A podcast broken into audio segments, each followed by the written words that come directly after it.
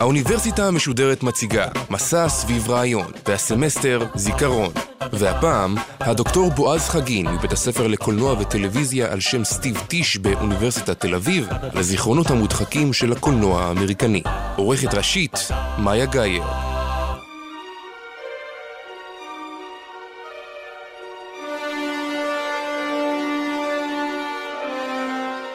שלום לכם. שמי בועז חגין, ואני ראש התוכניות העיוניות בבית הספר לקולנוע וטלוויזיה על שם סטיב טיש, בפקולטה לאומנויות באוניברסיטת תל אביב. במסגרת המחקר שלי, אני מרבה לעסוק בנושא של טראומה וזיכרון בקולנוע.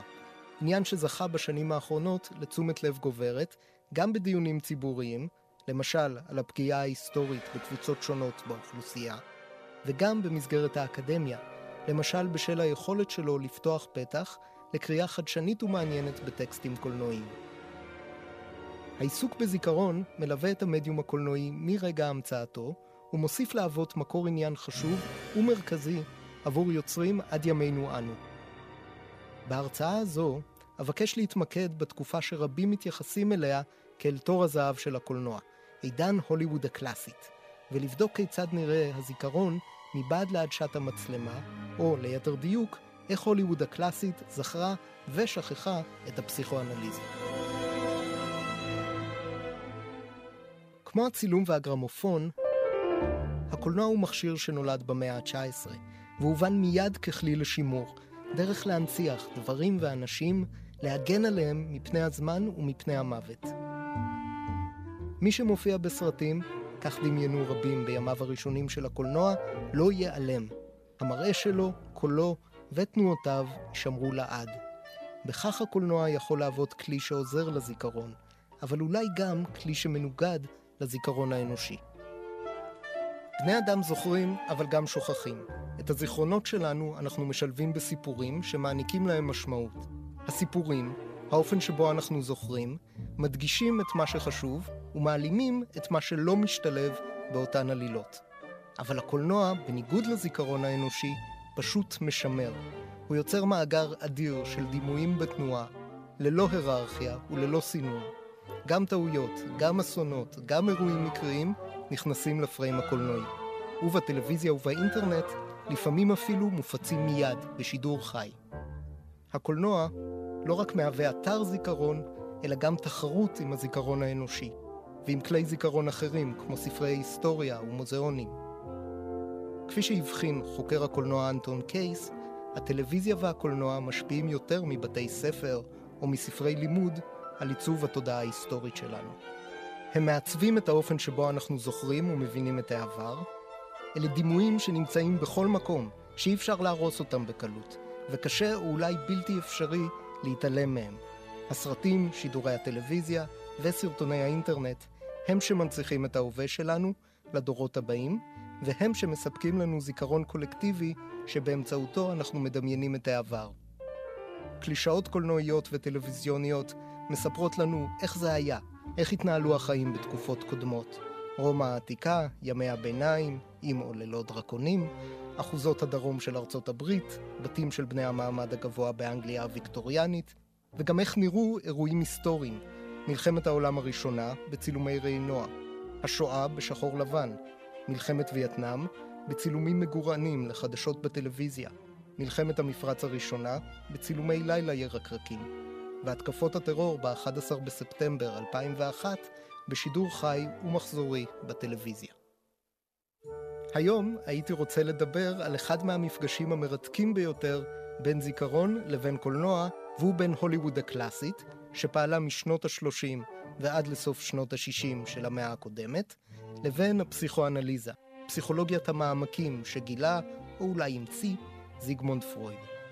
לטענת פרויד אנחנו לא רק זוכרים את העבר, אלא גם מושפעים מהעבר שאנחנו לא מסוגלים להיזכר בו, הלא מודע, שכולל זיכרונות מודחקים. העשור האחרון של המאה ה-19 הוא התקופה שבה התחיל פרויד להתעניין בנפש ולפתח את הפסיכואנליזה. אלה גם השנים שבהן התחיל הקולנוע לפעול בארצות הברית ובאירופה. שני התחומים הופיעו אפוא באותו עשור וזכו להצלחה באותה תקופה. ורבים ניסו לחפש קשרים ביניהם. היחס של התנועה הפסיכואנליטית כלפי הקולנוע היה אמביוולנטי. ארנסט ג'ונס, הביוגרף של פרויד, מדווח כי פרויד צפה בסרטו הראשון בביקור בניו יורק בשנת 1909, יחד עם קרל גוסטב יונג ואחרים. על פי ג'ונס, פרויד לא התלהב במיוחד מההמצאה החדשה, והיה רק משועשע קלות. בשנת 1924 הציע המפיק ההוליוודי סמואל גולדווין לפרויד 100 אלף דולר תמורת שיתוף פעולה בסרט שיתאר סצנות אהבה מפורסמות מההיסטוריה, החל מאנטוניוס וקליאופטרה. פרויד סירב. חברים אחרים בתנועה הפסיכואנליטית גילו עניין רב יותר במדיום החדש, והפגינו יחס חיובי כלפיו. הפסיכואנליטיקאי אוטו ראנק למשל, פרסם חיבור שעסק בכפילים בתרבות ובאומנות, בהשראת הסרט "הסטודנט מפראג" מ-1913. כמה חודשים לאחר סירובו של פרויד לקחת חלק בפרויקט ההוליוודי על אהבה, שני פסיכואנליטיקאים מברלין, קרל אברהם והאנס זקס, הסכימו לשתף פעולה בסרט על פסיכואנליזה. אברהם היה בין האנשים הבכירים בתנועה, מייסד האגודה בברלין ונשיא האגודה הפסיכואנליטית הבינלאומית. השניים טענו שממילא בסופו של דבר יעשו סרט על פסיכואנליזה, כי הציבור מגלה סקרנות רבה בנושא, ועדיף שהם לפחות יפקחו עליו ויוודאו שהוא לא מבטא רעיונות שגויים. פרויד התנגד גם לסרט זה, והבהיר שאינו מעניק לו את תמיכתו, והדגיש שלא יתמוך באף סרט בעתיד. הוא ביקש ששמו לא יוזכר ולא יקושר לסרט. את הסרט ביים היוצר הגרמני הנודע, גאורג וילהלם פאבסט, והוא נקרא סודותיה של נפש. סרט אילם זה, שיצא ב-1926, מגולל את סיפורו של אדם שסובל מפחד מפני סכינים ומדחף לרצוח את אשתו. הוא עוזב אותה, חוזר לגור עם אמו, ועובר טיפול פסיכואנליטי שכולל פרשנות של סיוט מפחיד והעלאת זיכרון ילדות כואב, אשר מביאים להחלמתו. הוא שב אל אשתו, ובאפילוג רואים שהזוג המאושר גם הצליח להביא לעולם ילד. שלא כמו פרויד וחלק ממקורביו הפסיכואנליטיקאים, הקהל והביקורת דווקא קיבלו את הסרט בהתלהבות. מאז הקולנוע לא איבד עניין בפסיכואנליזה שהבטיחה לצלול אל מעמקי הזיכרון שלנו. תורתו של פרויד, ולפעמים פרויד עצמו, היוו השראה ללא מעט סרטים.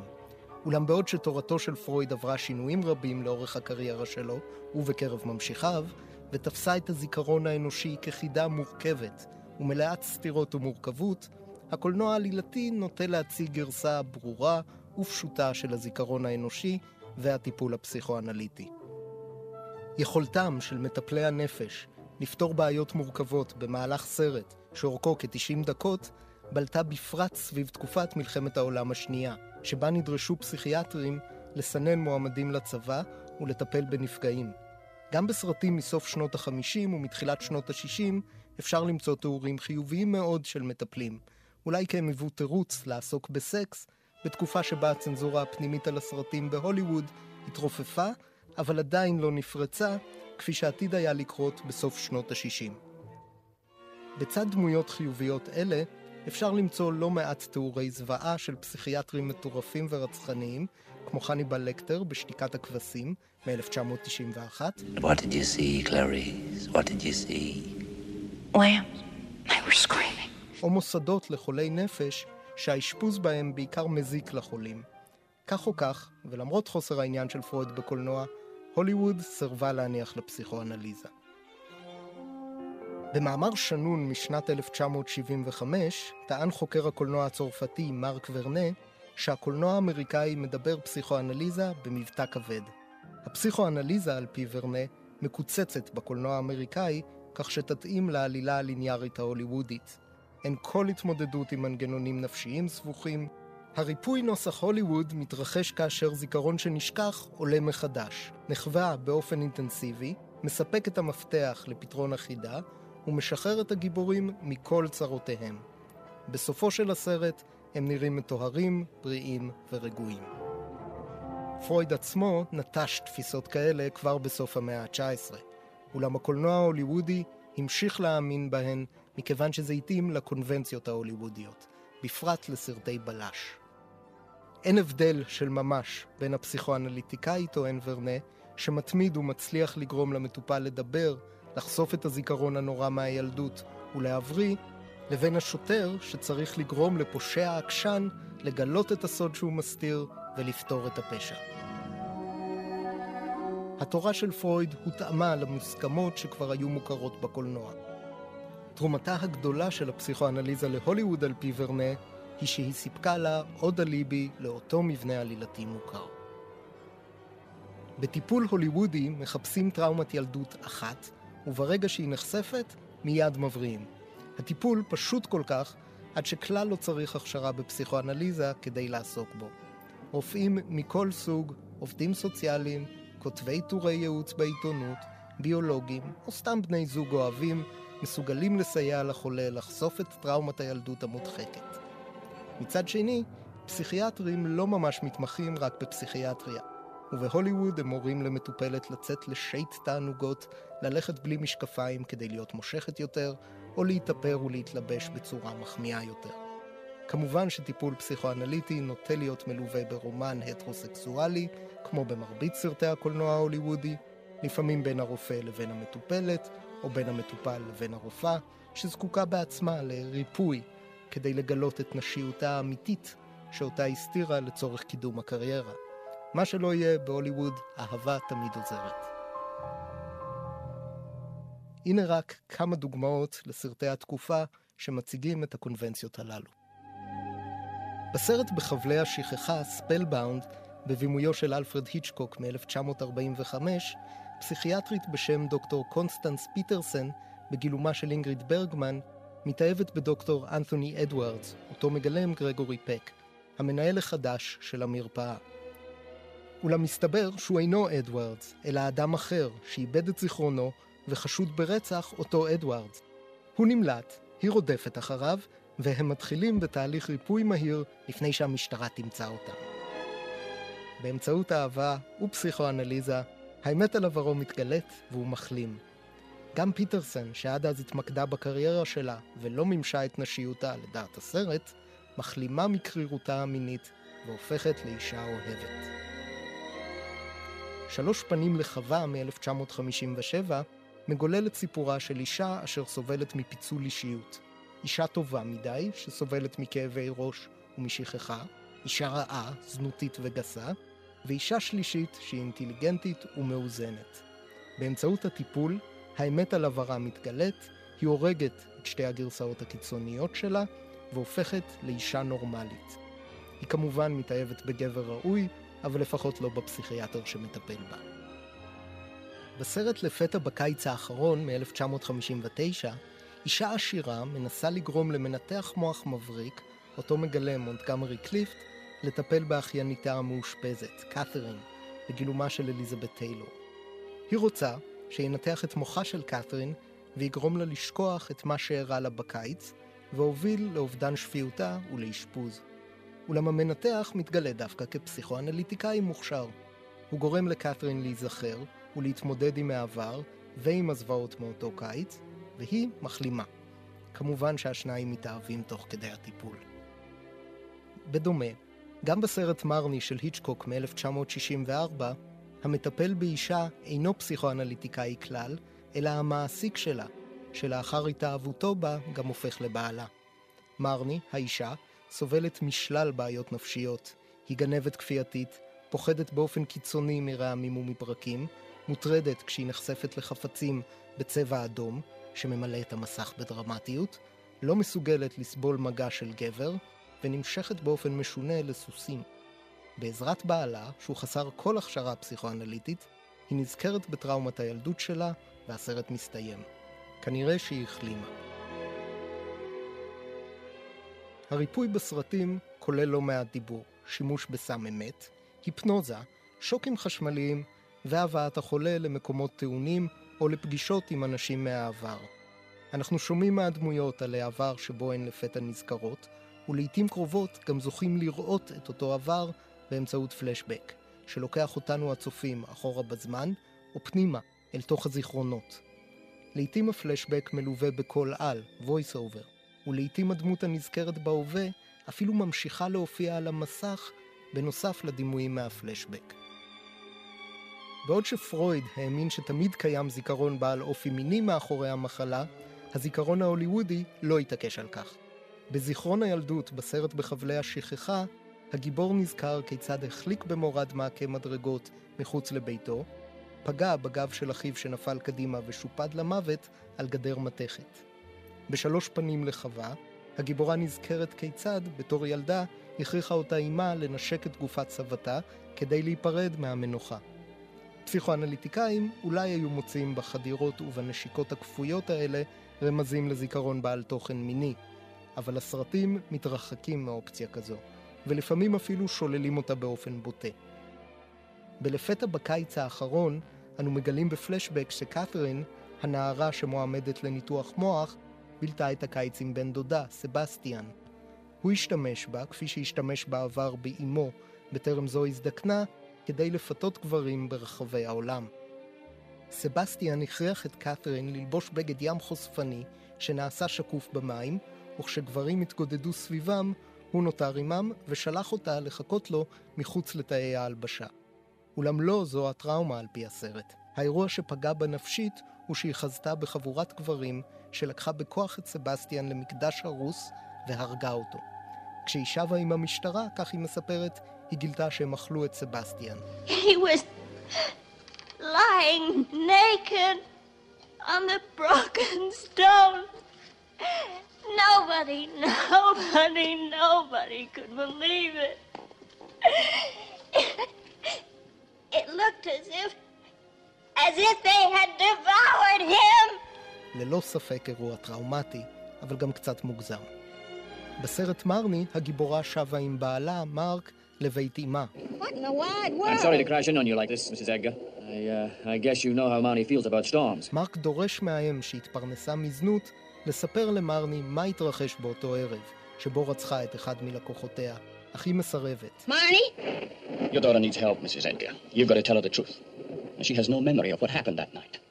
And she needs to remember everything that your daughter, your beautiful young daughter, cannot stand to have a man touch her. Any man. She doesn't know why, but you do. היא מנסה לגרש את מארק מביתה, וכשהוא מתגונן מפני חבטותיה, מרני, בקול ילדותי, מורה לו לעזוב אותה.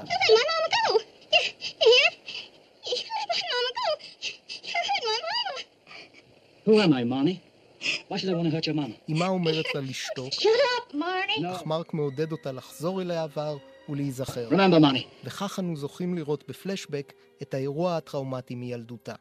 אנו רואים עתה שכשנבהלה מרעמים ומברקים בחוץ, הלקוח שהיה עם אמה בא להרגיע ונשק אותה. Now, you ain't afraid of a little bit of lightning, are you? Huh? There's no reason to cry. I want my mama. I don't want you. Let me go. אמה חשבה שהוא תוקף את בתה, אמרה לו לעזוב אותה, והחלה לחבוט בו. הוא התגונן מפניה וניסה לאחוז בידיה, אך היא הרימה מוט והחלה להכותו. הלקוח נפל על אמה של מרני ופצע אותה, ואז היא קראה לילדה לבוא לעזרתה. מרני הילדה הרימה את המוט ורצחה את הלקוח. Marnie, I hit him. I hit him with a stick. I. I hurt him. הטראומה אינה קשורה אפוא לעובדה שאימה התפרנסה מזנות, אף לא להתעללות מינית במרני על ידי הלקוח, שכנראה באמת רק רצה להרגיע אותה, אלא לכך שבתור ילדה מרני רצחה בן אדם.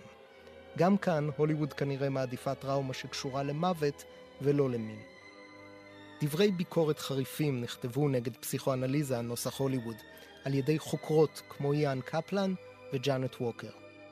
הן בפרט ביקרו את נטייתם של הסרטים לעסוק בתיקון נשים שעל פי הנורמות של הוליווד סבלו מיותר מדי מיניות או מפחות מדי מיניות, ולא התאימו את עצמן לנורמות הנשיות על פי הוליווד, שדרשה מהן להיות ראיות צייתניות ואימהות כנועות.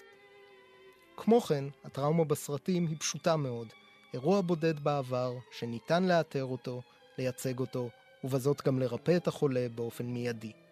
סרטים אלה אומנם עוסקים בטראומות, אך בסופו של דבר הם מותירים אותנו, לטענת הביקורת הזו, עם תחושת הקלה.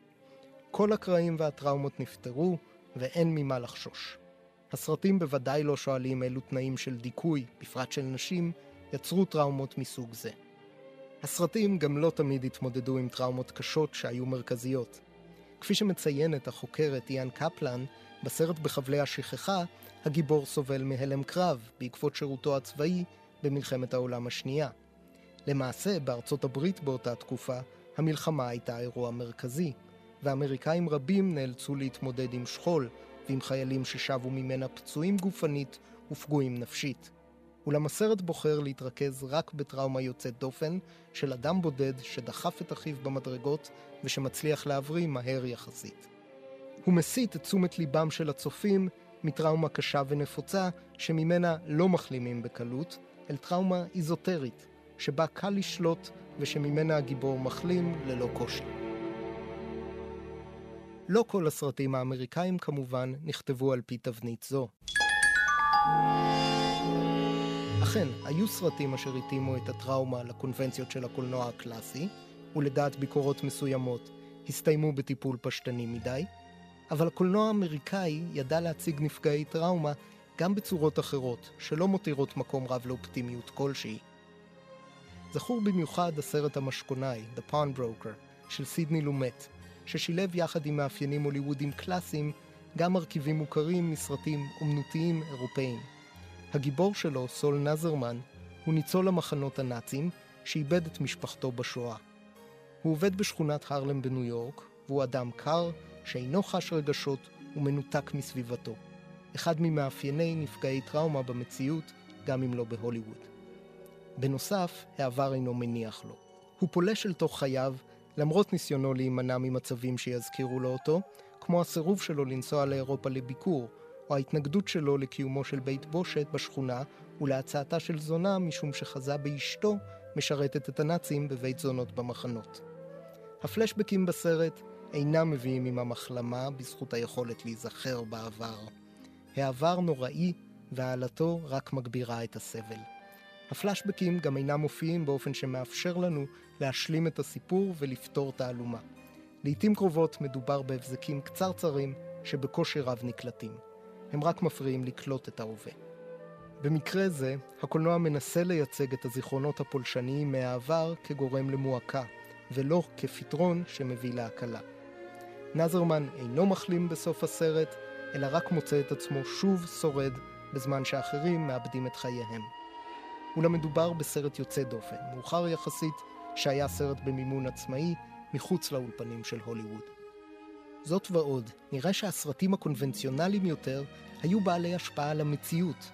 חוקרות כמו ההיסטוריונית אליסון וינטר ותאורטיקנית הקולנוע מורין טורים הראו לא רק איך הקולנוע מייצג זיכרון, אלא גם איך תפיסת הזיכרון הקולנועית השפיעה על העולם מחוץ לסרטים. במלחמת העולם השנייה, כשהקולנוע היווה את אחד מצורות הבילוי הנפוצות ביותר, נפגעי הלם קרב ואנשי רפואה דימו את הזיכרון האנושי לסרט. כמו בסרט, גם את הזיכרון האנושי, לפי תפיסתם, אפשר במאמץ מסוים להחזיר אחורה, ואז לצפות בחלקים מתוכו. ייתכן שהעובדה שבהכשרת פסיכיאטרים בצבא עשו שימוש בסרטי הדרכה שבהם השתמשו בתחבולת הפלשבק כדי לתאר את היזכרות המטופל, תרמה לתפיסת הזיכרון כמעין סרט.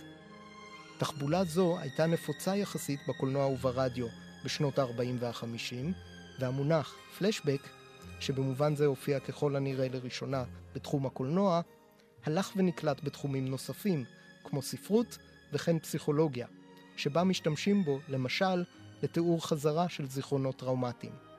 הדימוי מדגיש את התפיסה שהזיכרון הוא מעין חפץ קבוע בתוך האדם, ושאפשר לחזור אחורה ולהקרין אותו שוב בדיוק רב. רופאים רבים זכו בתקופה זו להכשרה פסיכיאטרית זריזה, וכך הדימוי של הזיכרון האנושי כמעין סרט זכה להצלחה רבה. הדבר הוביל לאמונה שאפשר לשחזר נאמנה עבר שנשכח באמצעות היפנוזה, ושימש למשל חוקרי משטרה או תובעים על התעללות מינית בילדות כדי לשחזר, לדעתם, זיכרון שנשכח. היא לא הותירה מקום למורכבות, למשל האפשרות שהזיכרון אינו יציב ומשתנה עם הזמן, ושהוא מערבב מרכיבים ממקורות שונים ומתקופות שונות בחיי האדם, ולא חושף רק אירוע בודד. למרות הביקורות הקשות והמוצדקות לעיתים קרובות נגד ייצוגי הזיכרון והפסיכואנליזה בהוליווד הקלאסית, לדעתי, קריאה מעט יותר נדיבה וזהירה של הסרטים, תראה שאפשר גם למצוא בהם היבטים אחרים. גם כשהריפוי פשוט, גם כשהאירוע הטראומטי בעבר הוא בודד, העלילה לא תמיד מעניקה לנו תחושת הקלה ברורה כל כך, והסרט לא בהכרח מסתיים עם גילוי הזיכרון המודחק. הסרטים הרבה פעמים מותירים אותנו עם תחושה עוכרת שלווה. לאחר שגיבור בחבלי השכחה נזכר שבילדותו הרג בשוגג את אחיו, זיכרונו שב אליו. Something in my childhood. Remember now, I killed my brother.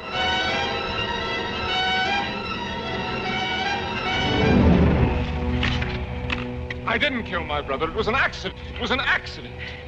That's what has haunted you all your life. That was the memory you were afraid of. הוא נזכר שהוא לא רצח את דוקטור אדוארדס האמיתי, אלא ראה אותו נופל מצוק בתאונת סקי. המשטרה מגלה את הגופה של אדוארדס, אולם מתברר שהוא לא נפל, אלא נורה למוות, והגיבור שוב מואשם ברצח. גילוי הזיכרון מהילדות הוא רק שלב אחד בעלילה, ולא פתרון פשוט שמהווה סוף טוב ומיידי. ולפתע בקיץ האחרון, קת'רין אמנם מחלימה ברגע שהיא מספרת על הטראומה שלה, העובדה שראתה את סבסטיאן לאחר שנאכל למוות. אולם מיד עם החלמתה, אמו של סבסטיאן מאבדת את שפיותה, ובטוחה שהיא נמצאת על ספינה ושבנה עדיין בחיים. החלמה של אישה אחת מלווה באובדן שפיות של אישה אחרת. אפילו הסרט מרני, שבו חשיפת העבר אכן מסיימת את הסרט, כלל לא מבטיח לנו סוף טוב. מרני, שעד לשלב זה לא הייתה מסוגלת לשאת מגע יד של גבר, מרשה לבעלה מרק ללטף את שערה. אבל אנחנו לא באמת יודעים מה יקרה לה לאורך זמן, ועד כמה החלימה מההפרעות הנפשיות הרבות האחרות שלה, כמו הגניבה הכפייתית והפחד מהצבע האדום.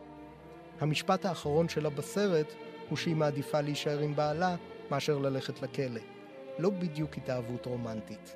אבל את האהבה של הוליווד לזיכרונות אבודים, טראומות וגרסתה לשיטת הריפוי של פרויד, קשה להכחיש.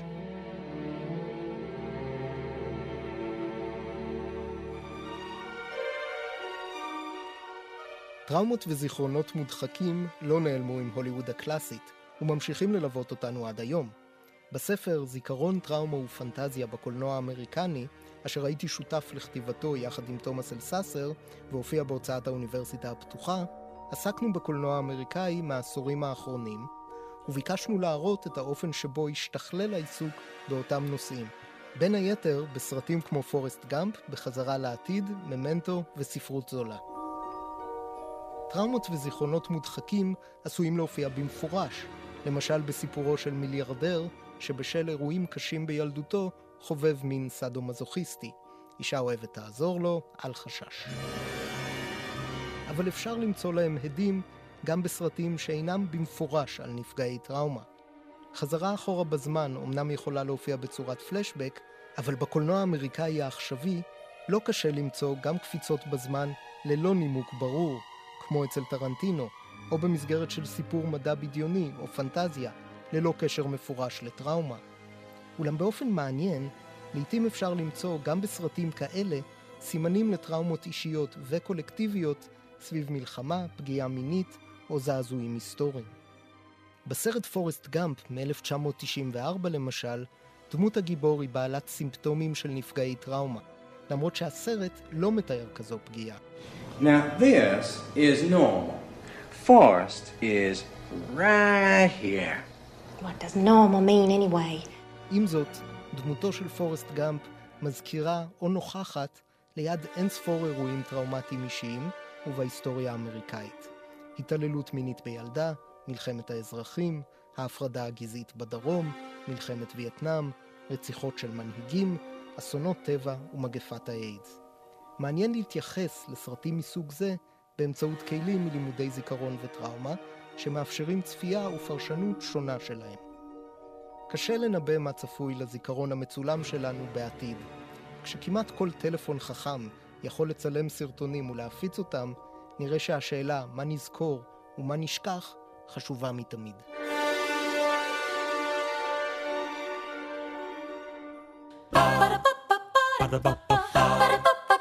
Ba-da-ba-ba-ba האוניברסיטה המשודרת, מסע סביב רעיון. והפעם, הדוקטור בועז חגין מבית הספר לקולנוע וטלוויזיה על שם סטיב טיש באוניברסיטת תל אביב, עורכת ראשית, מאיה גאייר, עורכת ומפיקה, נעמי שלו, מפיקה ראשית, יובל שילר, עורכת הדיגיטל, נועה שינדלר. האוניברסיטה המשודרת, בכל זמן שתרצו, באתר וביישומון גלי צה"ל ובדף הפייסבוק של האוניברסיטה המשודרת.